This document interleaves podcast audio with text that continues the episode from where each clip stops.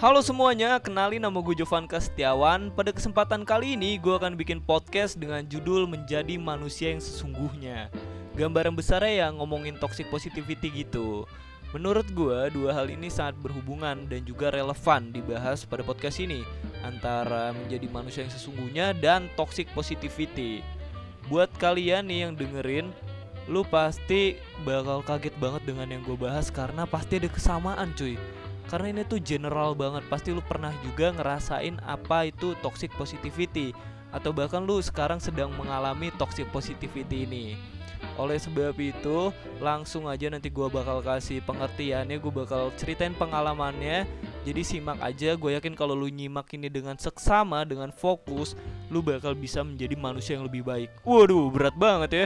Kalau nggak menjadi manusia yang lebih baik minimal nih ya lu bakal jadi temen yang lebih baik jadi langsung aja masuk ke topik pembahasan. Check it out. Gue mulai dengan kasih tahu ke lu pengertian toxic positivity. Dari beberapa artikel yang gue baca nih ya, gue menyimpulkan toxic positivity adalah sikap ketika kita tidak bisa menerima hal yang negatif, baik dari diri kita, orang lain, atau lingkungan sekitar kita. Simpelnya nih ya, kita ada di toxic positivity ketika kita mikir semuanya positif, dan kita menghindari segala pikiran yang berkaitan sama hal yang negatif. Lah, terus kenapa Jov kalau gitu? Bukannya bagus ya malah? Pada kenyataannya, hal tersebut gak baik. Orang yang terjebak di toxic positivity punya pemikiran semua hal baik-baik aja tanpa ada masalah. Waduh, tentu pemikiran itu salah. Gue ngerti pikiran positif itu ya cuma buat ngindari masalah aja gitu, bener kan? Ketika kita meremehkan suatu permasalahan, hati-hati nih. Itu juga bisa jadi tanda-tanda kita terjebak dalam toxic positivity.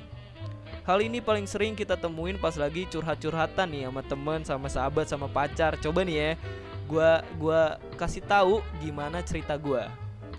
Gue pernah punya satu momen di mana ada orang curhat ke gue tentang masalah di rumahnya gitu ya biasa lah ya masa-masa pandemi gini banyak orang-orang yang punya masalah di rumah.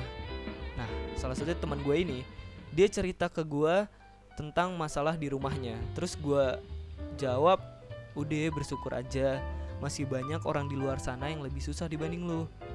Saat itu ya gue ngerasa gue bener gitu ya bicara kayak gitu karena pesan yang gue sampein itu positif. Gue ulang ya jawaban gue ya, gue ulang nih jawaban gue. Gue bilang udah tenang aja lu harus bersyukur masih banyak orang di luar sana yang lebih susah dibanding lu. Nah itu kan sebenarnya pesannya positif kan. Tapi ketika gue memposisikan diri gue sebagai orang yang curhat tentu mendengar nasihat yang kayak gitu offense banget kan kedengarannya walaupun positif ya. Contoh lagi nih ya. Hal ini juga kadang kita rasain ketika curhat juga nih ya. Kalau tadi ada orang yang curhat sekarang uh, eh, gue curhat gitu ya. Misalkan gue curhat ke orang kayak gini. Uh, cuy gue lagi ada masalah nih di rumah gue terus orangnya jawab kayak gini udah nggak masalah itu. Jangan dipikirin. Padahal maksud gue buat cerita itu adalah buat ngeluarin rasa tidak nyaman gue yang ada di pikiran. Terus tiba-tiba pas dia udah ngomong udah nggak masalah itu jangan dipikirin lah.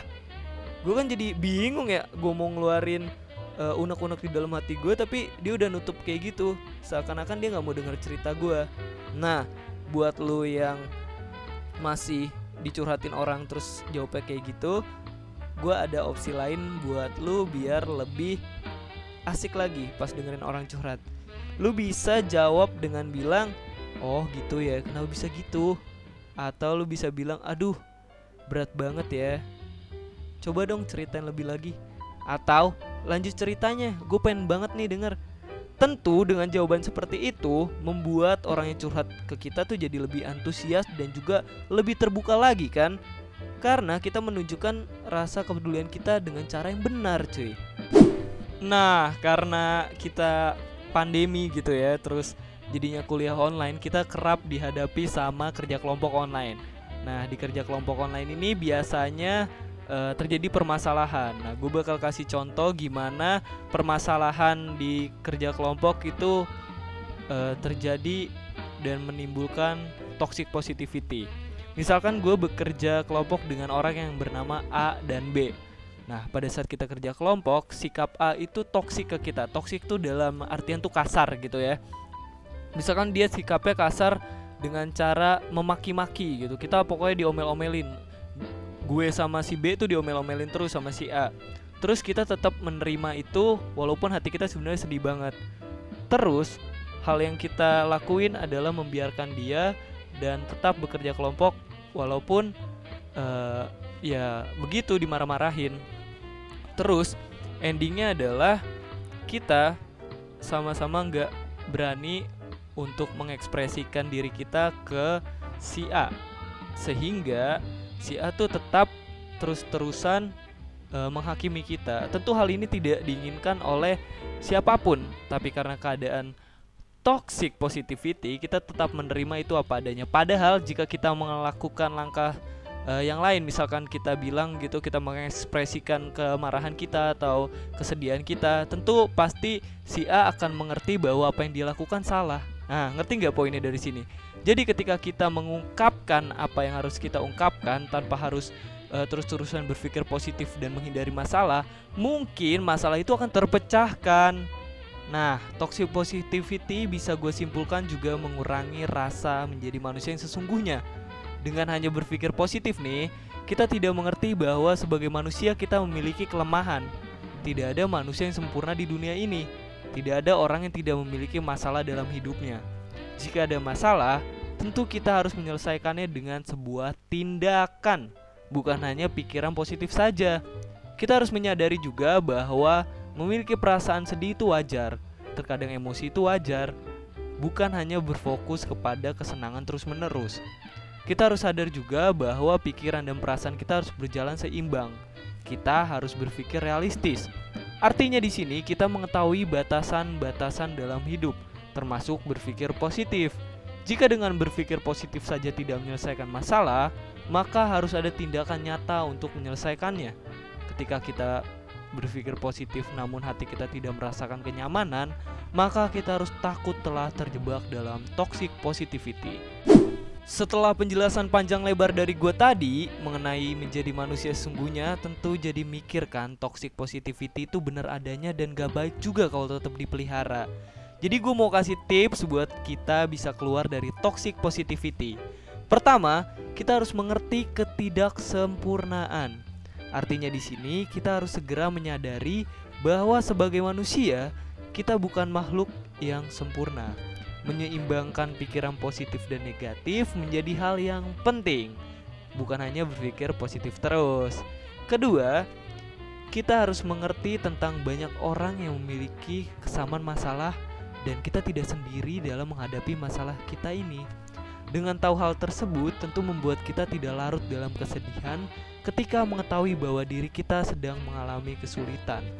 Baik itu masalah yang kita hadapi ataupun melewati toxic positivity ini. Tentu kalian memiliki keluarga ataupun teman-teman dekat yang bisa membantu kalian keluar dari masalah. Kalian tidak sendiri kok. Selanjutnya adalah kita harus bisa mengerti juga bahwa semua yang akan kita hadapi bisa kita atasi. Jika tidak bisa cepat, maka kita selesaikan pelan-pelan. Tenang aja, pasti bisa lewat kok. Terkadang kita gagal dalam menghadapi sebuah tantangan namun kita tetap yakin bahwa diri kita bisa untuk tantangan selanjutnya. Membuat diri kita senyaman mungkin dengan berusaha menyelesaikan masalah adalah hal yang sangat baik. Sekian podcast dari gue Jovan Kastiawan. Gue harap lo yang dengerin ini bisa mendapatkan pencerahan setelah mendengarkan penjelasan yang cukup panjang dan lebar dari gue. Tenang aja, gue berharap kalian semua bisa menyelesaikan masalah dalam hidup kalian. Gue harap kalian sehat selalu gue harap kalian selalu dalam perlindungan Tuhan yang Maha Esa dan gue selalu berpikir bahwa kita pasti bisa menemukan kebahagiaan kita apa pun masalah yang kita hadapin. Dah, sekian dari gue Jovan Kastiawan. Terima kasih.